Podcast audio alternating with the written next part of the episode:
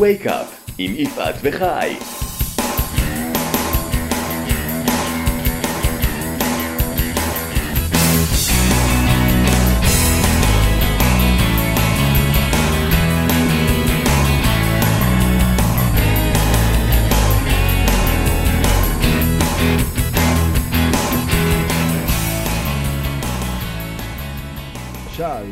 המאזינים ולכל המאזינות. אנחנו שמחים שאתם איתנו כאן, שוב, בסדרת הפודקאסטים Wake Up, הפודקאסט מבית הפסיכולוגיה ההישגית, שבא להעיר ולהניע אותנו לתנועה קדימה. בכל פודקאסט אנחנו מארחים אנשים שונים, אנשים כמונו, כמוכם, שהכניסו הישגים ותוצאות רצויות לחיים שלהם. אנחנו בודקים איך הם עשו את זה. ואתם כבר יודעים, והספקתם להכיר אותנו, שתפיסת הבסיס שלנו היא שאנחנו נמצאים כל הזמן בתנועה ובשינוי. השאלה, אם אנחנו נעים למקום שבו אנחנו רוצים להיות, האם התנועה בה אנחנו נמצאים מכוונת להשגת המטרות שלנו. והמרואיינים שלנו לאורך סדרת התוכניות הם אנשים, כפי שאתם כבר uh, שמעתם, הם אנשים שעשו שינויים בחיים. שינויים מקצועיים, שינויים תזונתיים, שינויים משפחתיים, גיאוגרפיים, שינויים בסדרי עדיפויות בחיים, כל מיני שינויים. אנשים שהחליטו להתעורר, Wake to wake up. אנשים שהחליטו לעשות צעד ולקחת את מושכות החיים לידיהם ולהכניס הישגים רצויים לחיים שלהם. והיום אנחנו נדבר עם עדי מור הרשי על שינוי מנטלי, שאחת מתופעות הלוואי שלו, כפי שהיא מגדירה את זה, הוא ירידה של למעלה מ-40 קילו. 40 קילו. 40 קילו. וואו. אז בואו נכיר את עדי. עדי היא מעצבת פנים, מלווה נשים בתהליכי הרזייה, גולשת, סטודנטית לאימון באדלר ואימא לשלושה ילדים. ועוד דבר שעדי ביקשה לציין, זה לא רק בקילוגרמים השינוי, אלא שהיא ירדה בשנה האחרונה ממידה 48-50 למידה תחזיקו חזק. 36. היי, נכון. שלום, שלום, עדי. היי, בוקר טוב. מה העניינים? מעולה. אז שלום, עדי. היי, בוקר טוב. בוקר אור, אנחנו ממש שמחים שאת איתנו כאן היום. ואת יודעת, אנחנו הצגנו אותך דרך הפריזמה של משקל, אה, קילוגרמים שירדת, מידות שירדת. ובשיחה המקדימה שלנו, את אמרת לנו שהשינוי הוא לא נספר דווקא במידות או בקילוגרמים. דיברת על שינוי מנטלי שהוא נמצא בלב ההישגים שלך. והשינוי המנטלי הזה, למה הוא, למה הוא הוביל? הוא הוביל לשלושה דברים עיקריים. קודם כל, התמודדתי עם האכילה הרגשית, וברגע שהעלמתי את האכילה הרגשית, הקילוגרמים התחילו לרדת uh, מעצמם, וגם הבעיות הבריאותיות שבאות ביחד עם uh, משקל גבוה נעלמו, וגם הביטחון, ומללכת עם בגדים של ריקושט, uh, אוהלים כאלה. עברתי לבגדים, יכולתי ללכת לקנות uh, בגדים עם חברות כמו, כמו שכל אחת רוצה לעשות. Uh, הדבר הנוסף זה שברגע שהפסקתי עם האכילה הרגשית ולמדתי להתמודד עם הרגשות שלי ועם האתגרים שמגיעים, היה לי הרבה יותר קל להתמודד עם תהליך הגירושים הקשים שעברתי. לפני שאת ממשיכה הלאה, את עברת תהליך גירושים עוד לפני שהתחלת במסע של הירידה במשקל, או מה קדם למה? Uh, מה שקדם למה זה קודם התגרשתי. Uh, הרבה שנים רציתי לרדת במשקל, uh, כל הזמן מחר דיאטה, כמו שכולם אומרות. Uh, ולמעשה שהתגרשתי והחלטתי שאני מתחילה לכוון את החיים שלי, ואני מתחילה לבחור את הבחירות בשבילי שנכונות עבורי, המתנה הראשונה שנתתי לי לגירושים, זה נרשמתי לסדנה של סיוון אופירי, Mm. כדי להתמודד עם האכילה הרגשית, ובעקבותה ירדתי את כל המשקל הזה במהלך הסגר הראשון של הקורונה. אז שכולם יצאו. מהקורונה, אני יצאתי רזה יותר. וואו.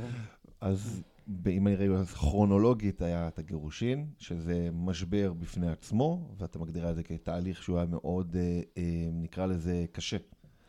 ובאיזשהו שלב את עוצרת, את אומרת, אוקיי, הגיע הזמן למתנה לעצמי, ואת נרשמת לאותה סדנה ומתחילה את התהליך אה, שהוא, כפי שהגדרת, הניע את השינוי המנטלי הגדול. אני חושבת שהצעד הראשון היה שבחרתי בעצמי ובעצם בגלל זה התגרשתי. ואז ברגע שבאמת נפרדנו, ישבנו, אה, אני ועוד חברה, והתחלתי לעשות רשימות של מה שאני צריכה לעצמי כדי לרפא את עצמי, כדי להתקדם קדימה לעבר המטרות שלי. והדבר הראשון שסימנתי לעצמי זה הירידה במשקל שידעתי שמונעת מאכילה רגשית, אה, וזה היה הדבר הראשון. וזה גם הדבר שנתן לי את הכלים אחר כך להתקדם ולרדוף אחרי החלומות שלי. אני עדיין בתוך העניין של הקושי. אני רוצה שנשמע ממך, עדי, איך את, אה, איך התמודדת? מה, את יודעת, את מדברת על אישה ב, שמסתובבת עם אוהלים, אה, על אז- מידה אז רגע, גבוהה. אז, אז אני אלך אפילו טקט אחד אחורה, את הולכת להתמודדות. אני רוצה טקט רגע- אחד, אני- חי, חי, כמה שומעים שאתה מגיע מהצבא. אני... שנים על גבי שנים, אם לא ישמעו אוי ואבוי. אני הולך לפני ההתמודדות. תארי לנו את הקושי לאורך התקופה שעד שאת מחליטה לעשות את השינוי. אני אתן לך קושי אחד שלפני, אני חושבת שבועיים, פתאום נ... גיליתי שהוא נעלם.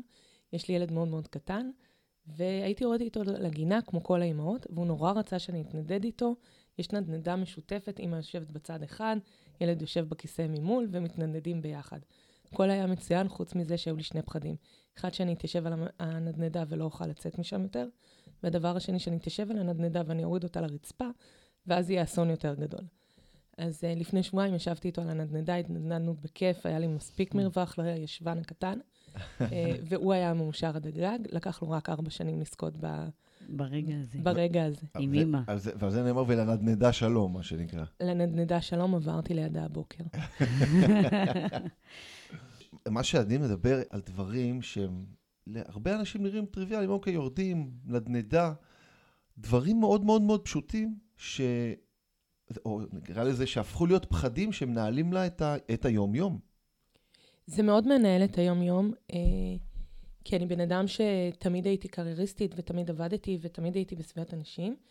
מצד שני, אתה רוצה להיות כמו כולם ולהיראות כמו כולם, אבל אה, קשה למצוא בגדים, ונגיד לעלות לקומה שלישית בלי מעלית, זה נהיה פתאום אה, קצת מתנשף מדי וקצת מפדח מדי.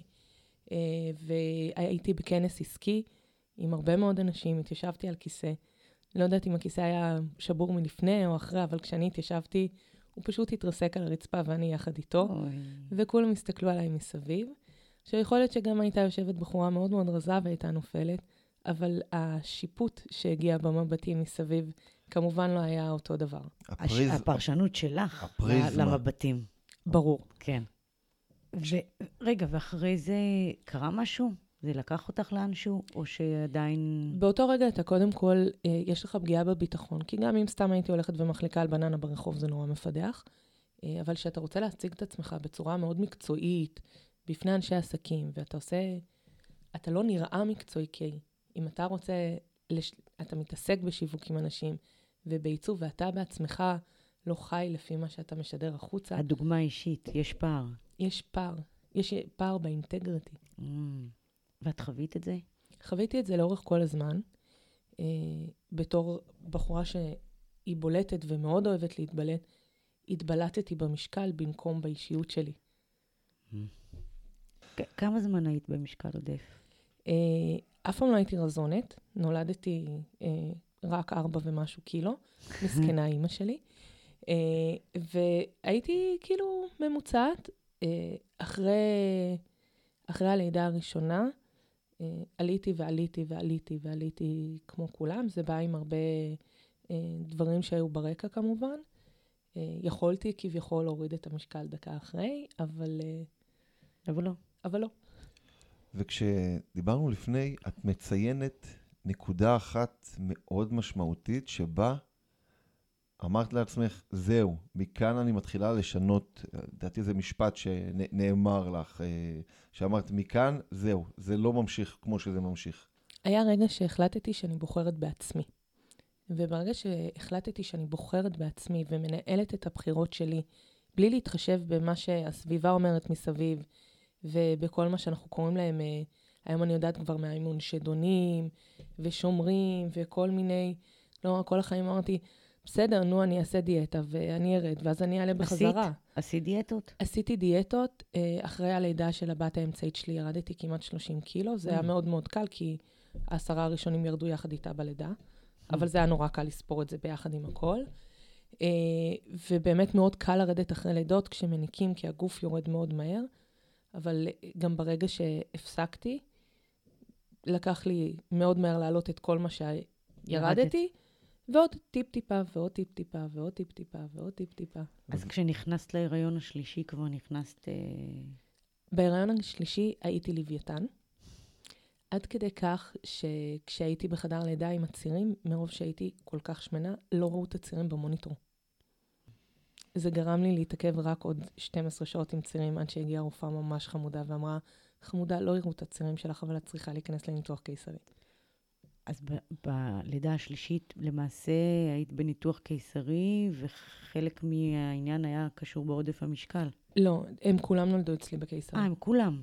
כולם נולדו בקיסרי, השלישי ידעתי שיהיה קיסרי, אבל גם לעבור קיסרי במשקל עודף, יש לזה משמעות מאוד מאוד גדולה גם על ההחלמה, גם על הניתוח עצמו כמובן. סיכון, זה סיכון בריאותי לכל דבר ועניין. מעבר, יש את הניתוח, שהניתוח עצמו הוא מורכב. אני, אני פשוט יודע את זה מההריונות שלי כשהייתי אה, צעיר יותר, פשוט. אז הניתוח עצמו הוא מאוד מורכב, ויחד עם זה שמכניסים ומוסיפים לשם עוד מורכבות, כמו משקל עודף, אין ספק שזה מדובר פה כבר בעניין, אה, לא, אני לא יכול להגיד חיים ומוות, אבל זה בהחלט כן. מס, מסכן, אה, מסכן מסכן. חיים. במקרה אצלי זה היה ממש על הקצה, הייתי עם סכרת הריון בגלל המשקל כנראה uh, מאוד מאוד קשה, שאי אפשר היה לאזן אותה, לא משנה כמה אינסולין נתנו לי.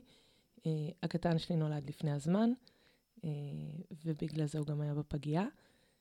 וגם בתור אימא אתה מרגיש איזושהי תחושת אשמה, כי התפקיד שלנו בתור הורה זה קודם כל לשמור על הילדים ולתת להם את הכי טוב שאנחנו יכולים, גם אם הם עדיין עוברים בתוך הבטן, הם עדיין ילדים. אני, אני שומעת אותך, עדי, ואני שומעת כמה דברים, אני שומעת שזה, המשקל העודף ליווה אותך לא מעט שנים. הוא יצר, ואת היית מודעת לבעיות בריאותיות ו, ולפער באינטגריטי, שאת אמרת, מה אני משדרת ומה המקצועיות שלי וכולי. נשבר כיסא, מבטים, ובכל זאת, לא, לא עשית שינוי. בהתחלה השינוי שעשיתי, בעיקר אחרי הלידה של הק- הקטן שלי, זה אמרתי, אני שמנה, אני מאמצת את היותי שמנה, אני חיה חיים מלאים ושמחים, אני אישה מאושרת, קניתי בגדים או עלי ענק מאוד מעוצבים, עם הרבה מאוד תכשיטים, מאוד צבעוניים, תמיד הייתי מטופחת, מתוקתקת עם האיפור, אה, אבל זו הייתה סוג של מסכה כלפי חוץ. ואני רוצה לעצור אותך כאן, כי את יודעת, את, גם כשאת אומרת את זה, יש את הטון ש, שמראה, לא יודע, אולי מעט ציניות ב, ב, בתפיסה שלך, של אז, ועדיין יש אנשים, נשים, שרגע, מה שאמרת עכשיו בטון אה, קצת אה, ציני, הם אומרים את זה לעצמם היום, כל הזמן. אני, אני מלא, אני שמן, וטוב לי עם זה שאני את שמן. האמנת לעצמך? אה, האמנתי חלקית. אני עד היום, דרך אגב, מאמינה שכל בן אדם צריך להיות שלם עם עצמו, אבל השלמות לא באמת באה מהמראה החיצוני, היא באה מבפנים. וברגע שאתה עוטף את עצמך ולא מתמודד עם הרגשות שלך, ואוכל. אכילה רגשית, זה לא הבדל של מידה או שתיים במכנסיים, אחת עם שיער בלונדיני, השנייה ג'ינג'ית והשלישית שחורה, אלא זה משהו הרבה יותר עמוק. זה סוג של שקר עצמי. של אני לא רוצה להתמודד עם הרגשות שלי, זה קשה לי מדי, זה דורש ממני יותר מדי. הסביבה שופטת אותי, אה, הסביבה גם משפיעה עליי, אה, ואני נותנת אה, לאחרים לעשות את הבחירות בשבילי, וזה לא היה לי טוב, ועובדה שהיום אני במקום אחר. אז בתפיסה, ופה אני חושב שזה ה- הנקודה שצריך לחדד, בתפיסה שלך, שאמרת לעצמך באותה נקודה את אותם משפטים מרגיעים, את ידעת בפנים שהדיסוננס הזה לא יכול להמשיך ולהתקיים, ולך, מה שאת אומרת, זה לא באמת מה שאת מתכוונת.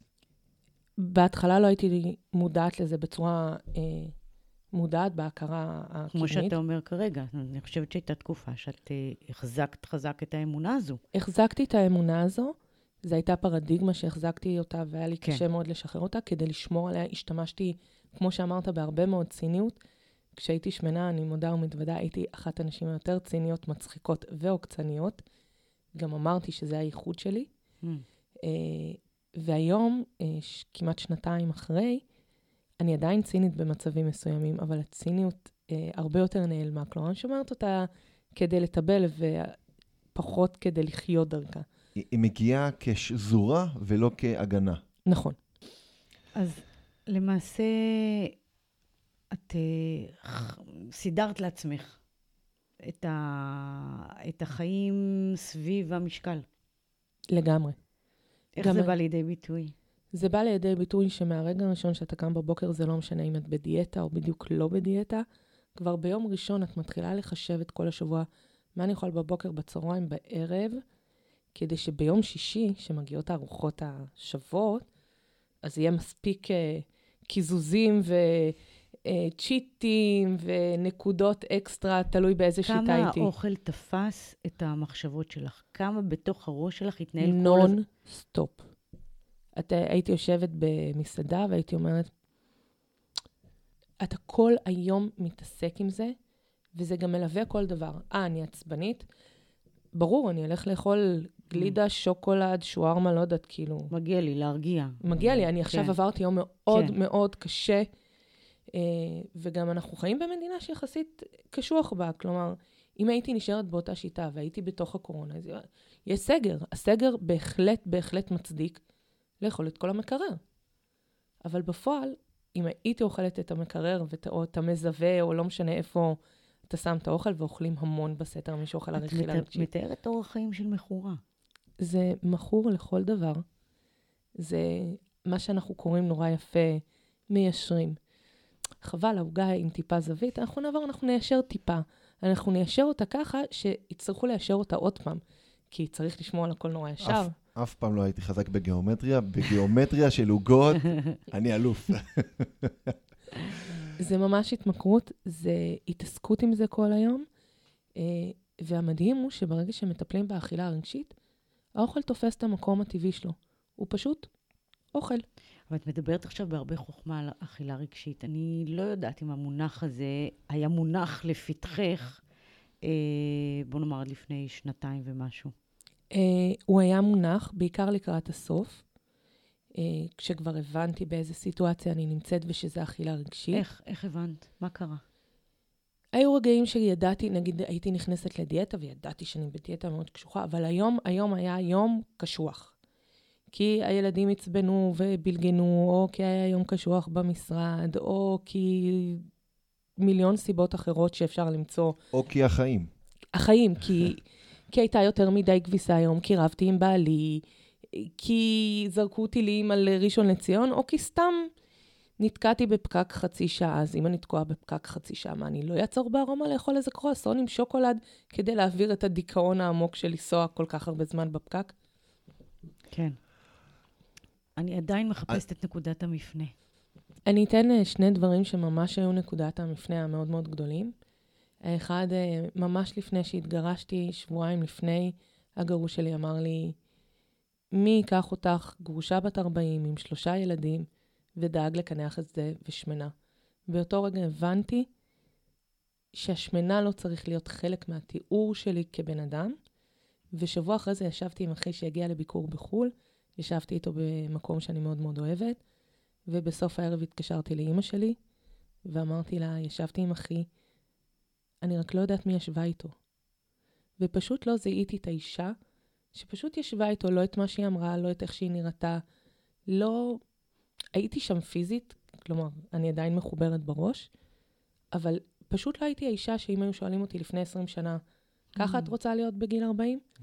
זה פשוט הייתה אישה אחרת, שכנראה לא שאפתי אליה, זו הייתה גם נקודת המפנה. המפנה של הכל למעשה. ומאותה נקודת מפנה שאת מתארת, איך התחלת את התהליך?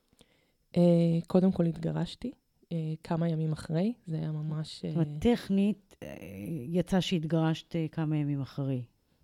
כי זה תהליך הגירושים. היינו בתהליך של שלום בית, ותהליך בניסיון להציל את הגירושים, את הנישואים כן. למעשה, וזה הגיע לאיזשהו dead end, וגם אני כנראה כבר הבנתי איפה אני נמצאת ובאיזה סיטואציה אני נמצאת, ולא רציתי להיות שם יותר. רציתי להיות האישה ששאפתי להיות כשהייתי נערה, כמו שכולנו חולמות אה, איך אנחנו נהיה. אני חוזר למשפט, הוא אמר לה, את תהיי גרושה עם שלושה ילדים, בת 40. והיא עוד לא גרושה, ושמנה. הדבר היחידי שהיא יצאה מזועזעת, זה על השמנה. זה אומר שבאותו רגע כבר בתת מודע, זה הדבר היחידי שהפריע, ועם כל השאר כבר קיבלת. Uh, הייתי בת 40, לא יכולתי לשנות את הגיל, אני לא מתיימרת לשנות. סבתא שלי אמרה שכל אחת שאומרת שהיא יותר צעירה ממה שהיא, היא פשוט מפספסת את השנים שהיא חייתה בהם. Uh, שלושה ילדים, זה לא בושה, זו הגאווה שלי. לגמרי. וגרושה, uh, זה כבר היה באיזשהו מקום uh, פתח uh, החוצה. כי השאלה אם אתה מעדיף להיות נשוי ולא מאושר, או גרוש ומאושר. ואז כשאת הקשבת לארבעת הדברים שנאמרו לך, אמרת, הדבר היחיד שאני יכולה לעשות בו שינוי. הדבר היחידי שלא הייתי מוכנה לקבל על עצמי כן. בטייטל זה את השמנה. כן. הייתי מוכנה לקבל את הגרושה. בדיוק. וזה בשליטתך. בדיוק. גם הגרושה היה בש... בשליטתי. כן. זה גם משהו שהוא בחירה. כן. אה, וזה גם מה שהניע אותי קדימה. ומהרגע שהחלטתי להתגרש ולמצוא את עצמי בחזרה מתחת לכל ההרי שומן שהיו שם. זה פשוט התחלתי לקלף ולמצוא את עצמי לאט-לאט. קודם כל למדתי להתמודד עם הרגשות שלי, גם הטובים, שאיתם תמיד יותר קל להתמודד, אבל גם עם הקשים. כי לכולנו יש רגעים טובים יותר וטובים פחות. אבל, אבל... את אומרת, למדת, איך למדת? Uh, למדתי דרך סיוון בקורס, ואחר כך המשכתי והעמקתי את הלימודים שלי. ככה הגעתי בסוף גם להיות uh, סטודנטית במכון אדלר, כי חקרתי, חקרתי את הנפש שלי למקומות הכי עמוקים. אני חושבת שהדבר הכי חכם שידעתי לעשות בתקופה הזאת, עוד לפני שהתגרשתי, עוד כשהייתי בשלום בית, זה להגיד, אני לא יודעת מה לעשות מפה. אני יודעת לאן, אני לא יודעת איך. איך. ולכן הלכתי קודם כל למאמנת NLP, mm. ואחר כך עברתי תהליך אימון, כי ידעתי שאין לי את הכלים. וידעתי לבוא ולהגיד, אני מבקשת כלים. כי גם הבן שלי שלומד uh, חשבון וחסר לו משהו, אז הוא בא ואומר לי, אמא, אני צריך עזרה בתרגיל. וזה לגיטימי לבקש עזרה.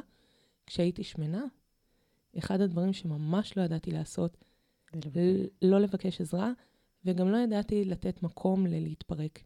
כי לפעמים אנחנו צריכים לתת לרגש להציף אותנו, למלא אותנו, לתת לנו להתפרק, לשחרר את זה ולהמשיך הלאה. ולהתפרק או לפרוק? אני חושבת שזה לפרוק יותר מאשר להתפרק. כן. אני חוזר למה שאמרת, כי זה... כשאנחנו מסתכלים רגע דרך המודל שלנו, של מודל ה-wake-up, המטרה כבר הייתה קיימת. אמרת, אני רוצה ככה, לשם אני רוצה להגיע. רגע, ו... הייתה מטרה? הייתה מטרה, לרד... בהתחלה הייתה מטרה לרדת במשקל אה, ולהחזיר לעצמי את השליטה על החיים שלי. יצאתי ממערכת נשואים מאוד מורכבת.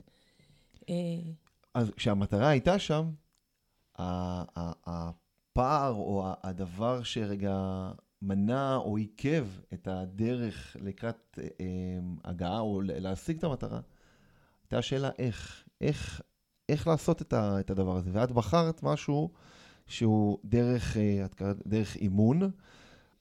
היו עוד אנשים ששיתפת ב, ב, בתהליך ש...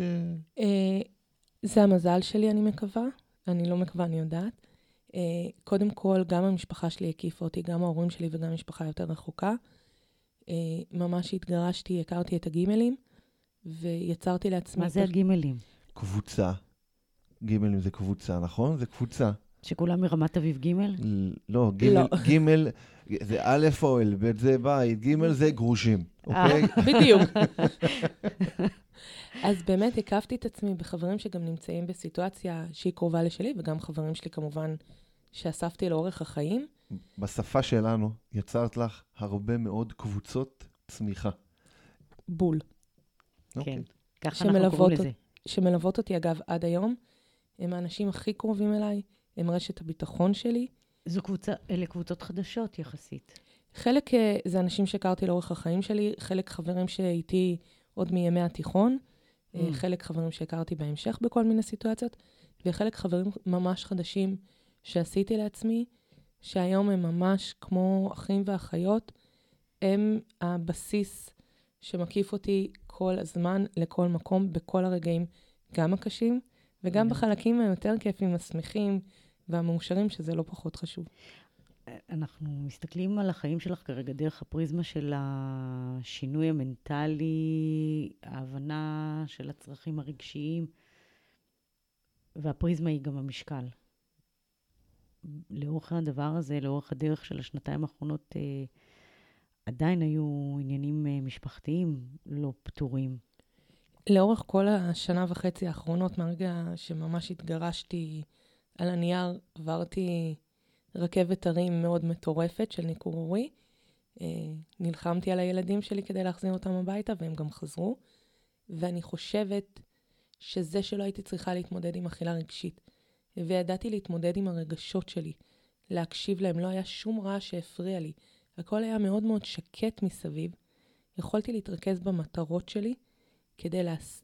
לנוע קדימה, ואחד הדברים שדאגתי לאורך כל הדרך, להגיד, כל עוד עומדים במקום, אני עלולה לשקוע בתוך הבוץ.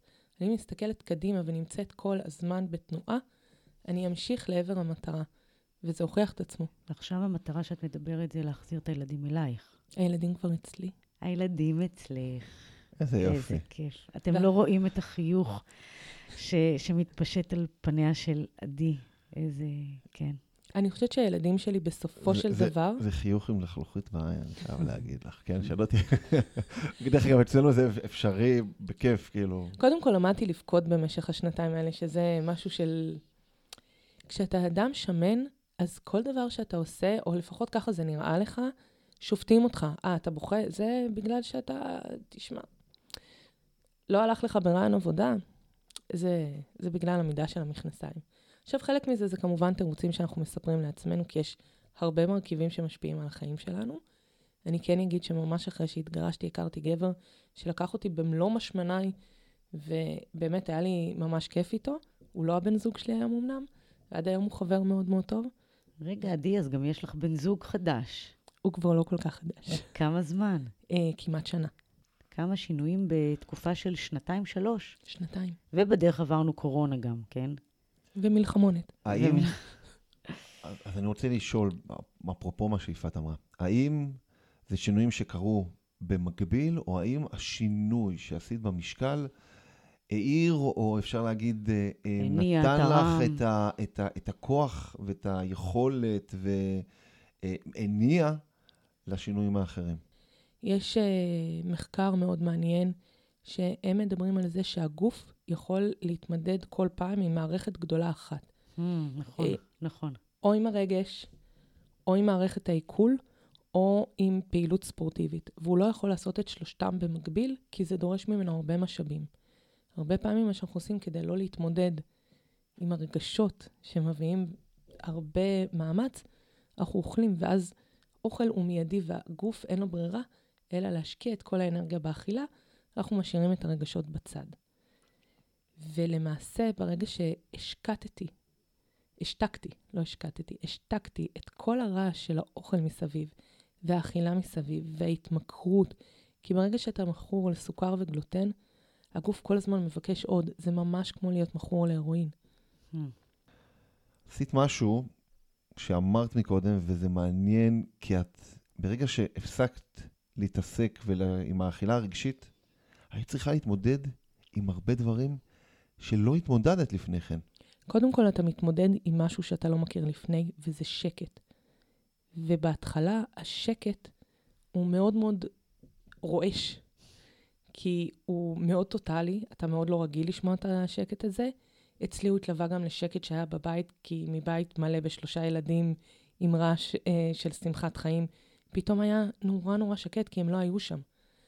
אז היה שקט מכל מקום. זה מאוד מאוד מפחיד ברגע הראשון, ואחרי שמאמצים אותו, אפשר להתחיל אה, לשפוך פנימה דברים.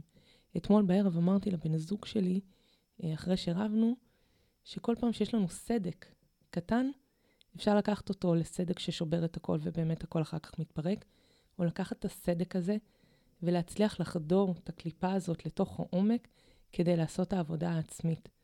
ולמעשה מה שעשיתי ברגעי שקט האלה, לקחתי את הסדקים האלה שנוצרים מכל מיני מצבים שקורים בחיים, ובנקודות האלה העמקתי יותר ויותר פנימה. הורדת את שכבת ההגנה, לגמרי. וראית את הסדקים, ואז הצלחת ויכלת בכלל להתחיל לטפל בהם. בדיוק. ומה שנשאר אחר כך מהסדק, פשוט מילאתי בקצת זהב, כמו בהגדה היפנית. Mm. אני שומעת שאת אה, אספת אומץ. המון. התחלתי באמת לעשות דברים, אם שאלת על המטרה הראשונית שהייתה מול עיניי, זה היה למצוא את עצמי במה שדמיינתי בגיל 20. אגב, כשהתחלתי את התהליך הבנתי שאני כבר לא רוצה גם להיות האישה שדמיינתי בגיל 20, כי אני כבר בת 40. אז, אז מה דמיינת? מה דמיינת שמחכה לך בקצה? בהתחלה כל הפנטזיות ילדות שלנו, של החיים המאושרים וטה-טה-טה-טה, ובפועל הייתי צריכה ללמוד ולחפש מה באמת, באמת, באמת אני רוצה לעומק. אה, היו רגעים שישבתי ואמרתי, אין לי שום מושג איפה אני רואה את עצמי בעוד שנתיים. ואמרתי, אוקיי, אם אני לא יודעת לראות, אני צריכה ללמוד, לשמוע את הרצונות שלי. והתחלתי מלשמוע את זה בקול ממש ממש דקיק כזה, שבקושי שומעים מין רעש רקע, ולמדתי לאט לאט לסנן את קולות הרעש מסביב, ולהגביר את הרצונות שלי ולהקשיב להם, וגם להאמין בהם. אם פעם לא היה לי את האומץ להגשים אותם, היום אני לא מפחדת לצעוק אף חלום שלי. זה, אני שומעת משהו מאוד מעניין כשאת מדברת. יש אנשים ששמים לעצמם תמונת ניצחון לנגד העיניים. תמונת הישג, זה לא תמונת דווקא ניצחון של הישג, הישג. תמונה כן. עתידית, ככה אנחנו רוצים להיות, וזה מניע אותם קדימה. את מדברת עם עצמך, את שומעת את עצמך, את יודעת מה את רוצה לשמוע בעתיד. שזה מעניין, כי אנשים שמקשיבים לנו יגידו, מה, התמונה לא מניעה אותי קדימה. אנחנו יכולים ללמוד מעדי שדווקא הקול הפנימי, ה- ההקשבה, זה, זה הדבר ש... אה, זו האסטרטגיה שעבדה בשבילך. גם היא עבדה בשבילי, וגם הדבר הנוסף שלמדתי תוך כדי, שלפעמים גם כשאנחנו מתכננים תוכניות והחזון שלנו מאוד מאוד ברור מול העיניים, זה בסדר אם פתאום אנחנו רוצים לשנות אותו. ואנחנו רוצים לשנות אותו כי לפעמים בדרך לא נהנים, כי לפעמים בדרך זה לא מתאים, כי לפעמים בדרך סדרי עדיפויות משתנים.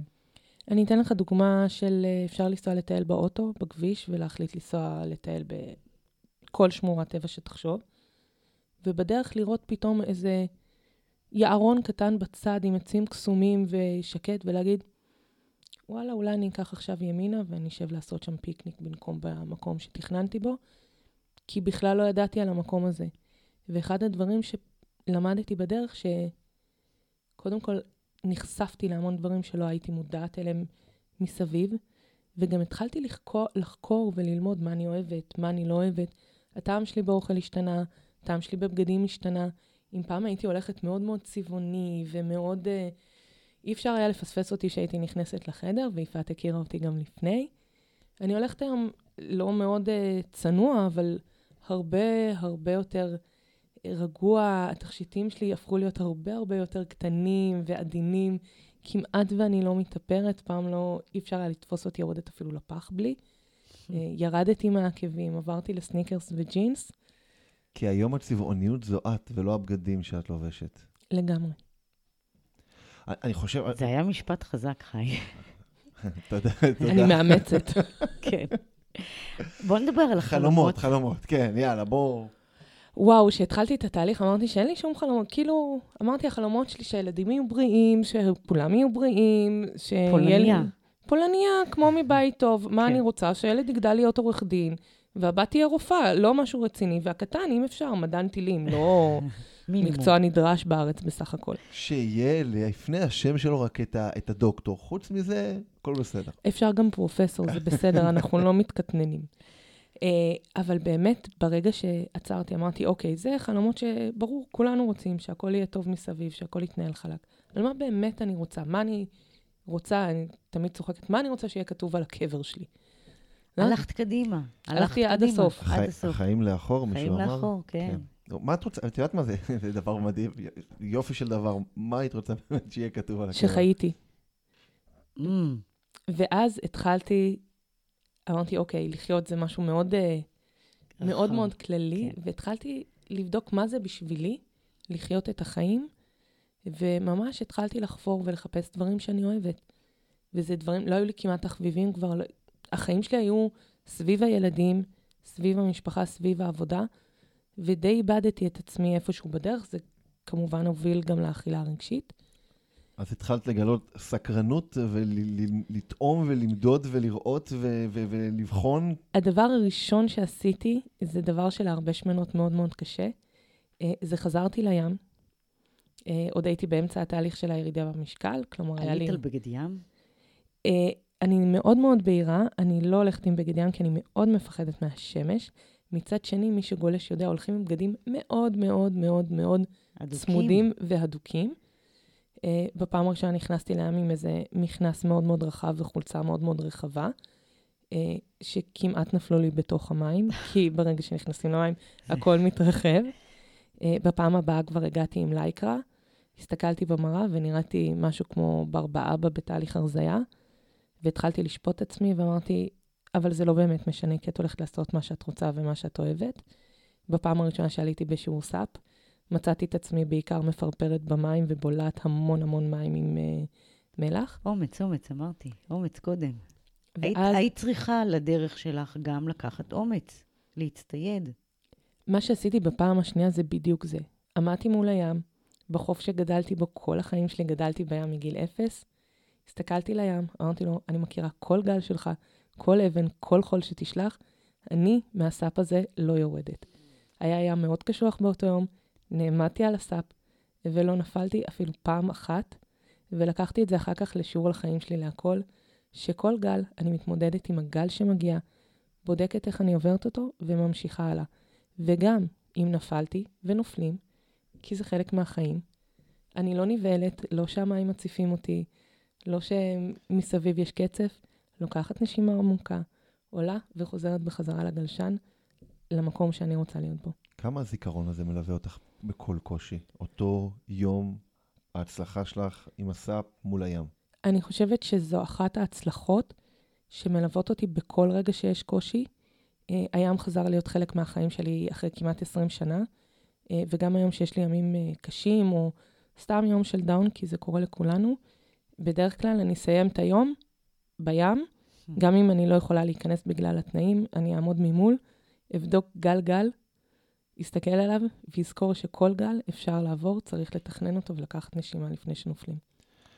יש לה כפתור הפעלה לגמרי. מאוד מאוד טבעי, שאפילו לא ידעה שהיא עשתה אותו, ותראי כמה הוא משמעותי לה לאורך כל הדרך. אני חושבת שכשלמדתי את זה, לא ידעתי את זה. היום, שאני מכירה יותר וחקרתי יותר, אני יודעת לקחת את ההוויה שהרגשתי כן. כשהייתי על הגלשן, כן. ולהעתיק אותה זאת אומרת, את לכל לא צריכה להיות נקודה. פיזית על גלשן. לא. את יכול, זה, זה מנטלי. זה את לגמרי, מפעילה לא. את זה מבפנים. כן, וזה מקרין על המציאות שלך. לגמרי. איזה עוד חלומות? וואו, היו לי, ועדיין יש לי מלא חלומות, ואת כולם אני מגשימה. אה, מלטייל, כמעט כל שבת, עם הילדים או בלי הילדים, אנחנו יוצאים או לטבע, או לים, או לקמפינג. אה, חזרתי להתעסק קצת באומנות. אה, התחלתי ללמוד אימון. לקח לי הרבה זמן למצוא איפה הפאשן שלי נמצא בפנים עמוק עמוק, אה, ואני מתעסקת עם זה. אני מתעסקת עם מיזמים חברתיים שמשפיעים על ילדים, Mm. אה, ואני מלווה אנשים שמתגרשים, אה, שמתקשרים וצריכים עזרה וייעוץ לפעמים, ואוזן קשבת וכתף.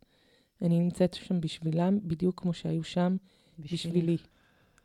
את מרגישה שהשגת את המטרה שלך? אני חושבת שאני אף פעם לא אשיג את כל המטרות שלי, כי אני כל פעם בונה חדשות. את יודעת מה, אני אקח את זה, אז אני אקח את זה מכאן. השגת חלק מהמטרות ויש לך עוד מטרות בהמשך. אבל ככה זה בחיים. אנחנו משיגים משהו, ו- ו- וממשיכים הלאה להישג הבא ולהישג הבא. זה נכון. וכשאנחנו מדברים על ממד היהלום, שאתה כבר זה מגיע בדיוק מה שאני שומעת על למרחב, עכשיו. למרחב השגת המטרה, איך את משמרת את אה, עצם היותך בתוך המרחב הזה כל הזמן? אני חושבת שברגע שזה הופך להיות חלק מהטבע שלך, חלק מצורת החשיבה, אתה למעשה לא יכול לחשוב אחרת. אה, אחרי שירדתי את רוב המשקל, ממש הייתי לקראת המשקל שאני נמצאת בו היום, הייתה אצלי חברה שהיא מאוד מלאה. אמרתי לה, תקשיבי, יש לי שקים של בגדים. ממש, היו איזה חמש או שש שקים של זבל גדולים כאלה. כי בואי תיקחי, ואם לא, היא עובדת במכון לנשים מוכות. אמרתי לה, תתני את זה הלאה, אין לי מה לעשות עם זה. אמרת לי, ואם תעלי בחזרה במשקל? אמרתי זה בערך כמו שתשאלי אותי אם אני אחזור לגרוש שלי. אני חושבת שבזה- happen. אני חושבת שפה אנחנו יכולים באמת אה, לסיים במשפט הזה, שזה one way. זה one way ticket. Uh, ברגע שצורת המחשבה משתנה, היא משתנה לתמיד. ישפיע גם על הילדים שלי, שגם הם עברו בעצמם תהליך גירושים ישפיע עליהם, ואני מלמדת אותם את החשיבה החיובית הזאת, את היכולת להתמודד עם הרגשות שלהם, וגם משדרת להם שזה לגיטימי להתמודד עם כל סוג של רגש. גם הטובים וגם אלה הפחות טובים, כי הם לגיטימיים והם חלק מהחיים. תודה רבה רבה, עדי. עדי, וואי, זה אה, קודם כל, כל הכבוד. באמת, תודה רבה. תהליך שנראה שהיה אה, שזור בהרבה אתגרים, בהרבה מאבקים פנימיים, ו- וצלחת, צלחת והצלחת, ו- וכל מה שלנו נותר זה באמת ללמוד מההצלחה שלך. ונגיד לך אנחנו תודה. נעלה תמונה. אנחנו נעלה תמונה, אה, ואם היא תרצה אפילו, גם. זה יכול. אני אשלח לכם לפני ואחרי. בדיוק. או. אני לא עברתי, היא אמרה, יופי. אז תודה רבה שהיית איתנו. המון המון המון תודה. תודה רבה לכם. ביי. Let's go up. בואו נסתכל מלמעלה במשקפיים של הפסיכולוגיה ההישגית על הדרך שעשתה עדי. צעד אחר צעד, חוקי מודל ה-wake up, שוב פעם, פוגשים את החיים ואת המציאות. לאורך השיחה עם עדי עלו מספר חוקים שעדי פעלה לפיהם. אנחנו כאן אה, נציין שלושה שלושה חוקים מובילים. מובילים, כן. אה, היו יותר. אנחנו נתמקד בסופו של דבר באחד, ו... אז, אז בואי נתחיל לזכור בעצם את, ה, את, ה, את החוקים שככה היו... בלטו. בלטו והיו שזורים שם עוד לפני בכלל שעדי ידע שקיימים החוקים האלו. נכון. אז עדי דיברה על ההתמודדות שלה עם התהליך מתחילתו, במהלכו, ועד היום, וכנראה שגם בהמשך. מה שהיא אומרת, מה שהיא ציינה, שמאוד אה, סייע לה לאורך כל הדרך, גם להתחיל וגם להחזיק, זה קבוצות הצמיחה שהיא ייצרה. ומה זה קבוצות הצמיחה? קבוצת צמיחה יכולה להיות אחד על אחד, יכולה להיות קבוצה של אתה שניים. זוכר שזה התחיל אצלנו מטעות. נכון, זה התחיל בכלל מ... אנחנו חשבנו על קבוצת תמיכה. ואז היה, ואפילו הטעות הייתה עם הצדיק הסופית, לא עם הצדיק נכון, הרגילה. ואז אתה הקלדת קבוצת צמיחה, ואז הסתכלנו אחד על השנייה ואמרנו, שנייה, רגע, רגע, בוא נעצור, זה עוד גא- יותר טוב. גאוני. כן, כי זה ממש, ממש מביע את מה שאנחנו חושבים. קבוצת תמיכה היא בעצם קבוצת צמיחה, ועל זה בדיוק אה, עדי דיברה. היא, היא יצרה לעצמה קבוצות צמיחה שכאלה. שזה באו לידי ביטוי בקבוצה של אחד על אחד עם מאמנת מנטלית שהיא לקחה לעצמה. זה קבוצה של המשפחה הגרעינית שלה, שהיא ציינה שם גם את אחיה כחלק מנקודת המפנה המשמעותית, ואחרי זה Mhm. גם את המשפחה התומכת. וכמובן, קבוצת גימלים. הגימלים. א', אוהל, ב' זה בית, ג' זה גרושים גרושות. והדבר המעניין עם קבוצת הגימלים, שהיא לא הייתה קיימת בכלל במציאות שלה, עד לאותו רגע לא- שהיא הפכה להיות בעצמה. גימל. גימל, כן. זה הפך להיות רלוונטי עבורה, והיא ידעה איך, אה, והיא יודעת איך למנף את זה. ולכ- זוגיות יצאה לה מהקבוצה הזו. זוגיות, הילדים חזרו, כן. המשק... באמת בכל דבר היא הצליחה, ולכן אנחנו חוזרים וממליצים וקוראים לכם בכל רגע שאתם מרגישים קושי, כל רגע שאתם רוצים לצאת לדרך, תייצרו לעצמכם קבוצות צמיחה, מבטיחים שזה יעזור לכם להגיע למטרה. מהמם. אז זה היה חוק החוק אחד. הראשון. חוק הצמיחה. עוד uh, חוק שעלה הוא כמובן חוק הפוקוס. Um, במשך הרבה שנים עדי דווקא לא הייתה מפוקסת על תהליך uh, שינוי, אבל אז, uh, אז עדי מתארת ניקוי רעשים. והניקוי רעשים אפשר לה להתמקד במטרה. זה מעניין, כי מרבית האנשים... נכון, ציינתי את זה גם בפודקאסט. הם, אה, רובנו, כשאנחנו אה, מגדירים לעצמנו מטרות, אנחנו רואים לנגד העיניים את המטרה, את העתיד הרצוי, את את עצמנו. האני העתידי הרצוי? נכון. אבל זה בא לידי ביטוי כאיזושהי תמונה עתידית. אתם לא רואים, אבל גם חי וגם אני לוקחים את היד קדימה, ואנחנו מסתכלים. קדימה ולמעלה, על- על התמונה כן. שאנחנו מדברים עליה. ו... ובמקרה של, שלה, אה, היא ממש עשתה את זה ב... היא עשתה אותו ב- דבר, אבל היא- במרחב השמיעתי. כן, ב- היא פשוט עברה חוש. במקום כן. לראות את העתיד הרצוי, היא פשוט שמעה את העתיד הרצוי. ו- אה, ו- והמשמעות של הדבר הזה, שכל אחד יכול, רוצה או צריך, כמו שאנחנו אומרים, כן. אוהבים, אוהבים להגיד הרבה פעמים, לייצר לעצמו אני עתידי רצוי, בכל אחד מהחושים. ואח- בדיוק. זה ממש עם כל אחד מהחושים. ואפשר גם ביותר מאשר חוש אחד, אני יכולה לראות את עצמי בעתיד כמו שאני רוצה להיות, ולשמוע את עצמי כמו שאני רוצה לשמוע ולה- מהעתיד. ולהרגיש את נכון. ה... נכון. דרך אגב, זו ההמלצה שלנו כשאנחנו אומרים בספר, ל- ללכת לכל החושים, ככל שאנחנו ניתן יותר חוויה חושית, ככה זה יהיה יותר צרוב לנו בנתיבים הנוירליים במוח מהמם. שלנו. אבל בואי, אנחנו... אנחנו עכשיו אמר- בואו נלך לחוק השלישי, שהוא... שהיא נתנה לנו פה מתנה. כן, כי, כי- לא, כי- לא הרבה פעמים בדיוק. אנשים אה, מודעים לז- לזה, לז, מוד- לזהות. בדיוק, יודעים כן. לזהות את, ה, את הדבר הזה. אז החוק השלישי שאנחנו נעיר, אה, ותודה לעדי על כך, זה חוק ערכת העזרה הראשונה. לאורך החיים שלנו אנחנו אספנו, אנחנו אוספים המון רגעים של עוצמה, רגעים של אושר, הצלחה, אהבה, מוטיבציה, המון רגעים מאוד טובים. אז למה להשאיר אותם על המדף? למה לא להשתמש ברגעים האלה? זה, תכל'ס זה הבנק שלנו, זה בנק האוצר הכי גדול שיש לנו מתוך זה עצמנו. בנק, זה בנק שאתה, אנחנו משקיעים בו, אפילו לפעמים בלי שאנחנו מודעים לזה, אנחנו משקיעים בו עוד ועוד. ואת יודעת מה היתרון בבנק הזה, שהוא שונה מבנקים אחרים? שאנחנו יכולים למשוך כל רגע, כל הזמן, ואין מינוס. להפך, הכל נשאר אותו דבר, כי כל החוויות שלנו, כל ההצלחות שלנו, כל מה שאנחנו עוברים, הכל נחרט, הכל בדיוק, נשמר. הוא שם. כן. הוא שם והוא נמצא שם. עכשיו, אם זה דבר טוב, ואפשר לקחת אותו ולהשתמש בו, והוא הוא יכול לעזור לי קדימה, איך אנחנו בעצם משתמשים? מה אנחנו אומרים? אנחנו אומרים שזיכרון מאושר, זיכרון של הצלחה, זיכרון שהוא של מוטיבציה, זיכרונות שעושים לנו טוב, אנחנו יכולים להשתמש בהם ברגעים שבהם פחות טוב לנו. אם חסרה לי מוטיבציה, אני דווקא אשלוף אה, זיכרון של מוטיבציה, כי כשאנחנו ממחזרים זיכרון, אנחנו מפעילים מחדש את המערכת הנוירולוגית שלנו.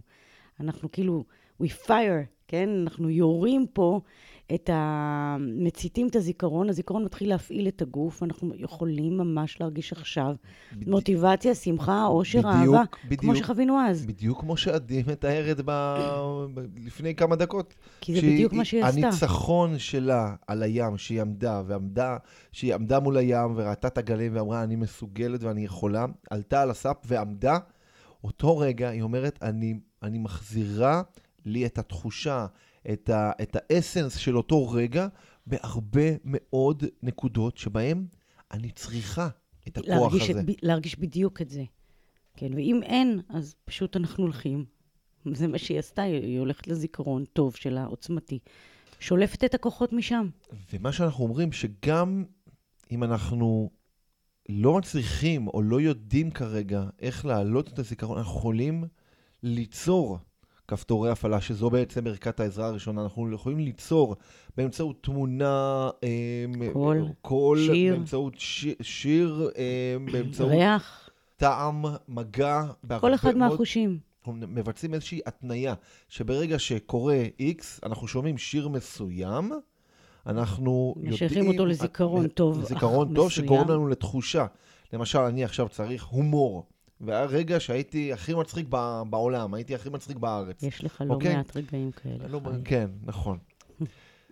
אז אני אצמיד לזה שיר, אני אעשה פעולה שאפשר אתה לקרוא בספר. קודם כל תעלה את הזיכרון. אני אעלה את. הזיכרון, אני אצמיד לזה שיר, כן. ואז, ככל שאני אעשה יותר את ההצמדה הזאת בצורה טובה, בכל פעם שאני אשמיע לעצ- לעצמי את השיר, זה כבר יעלה לי את התחושה ואת הרגש ואת הכלי שאני בחרתי פה, את ההומור, וזה יעזור לי אולי לתת בדיחות יותר טובות. אני, אני, אני עובד על זה. טוב, אז אם אתם רוצים לשמוע עוד, אתם מוזמנים להיכנס uh, לאתר שלנו www.wakeup.co.il. או לקרוא בספר שלנו, או להצטרף לקהילה שלנו, או להיכנס לפייסבוק שלנו. או, או, או, וגם, וגם, וגם, ולהמשיך להאזין לפודקאסטים, לשמוע איך עוד ועוד אנשים הצליחו להגיע ליעדים שהם הגדירו לעצמם. נסיים כמו תמיד בתודה על ההאזנה, ובקריאה שלנו, It's time to wake up and change. It's time to wake up and grow.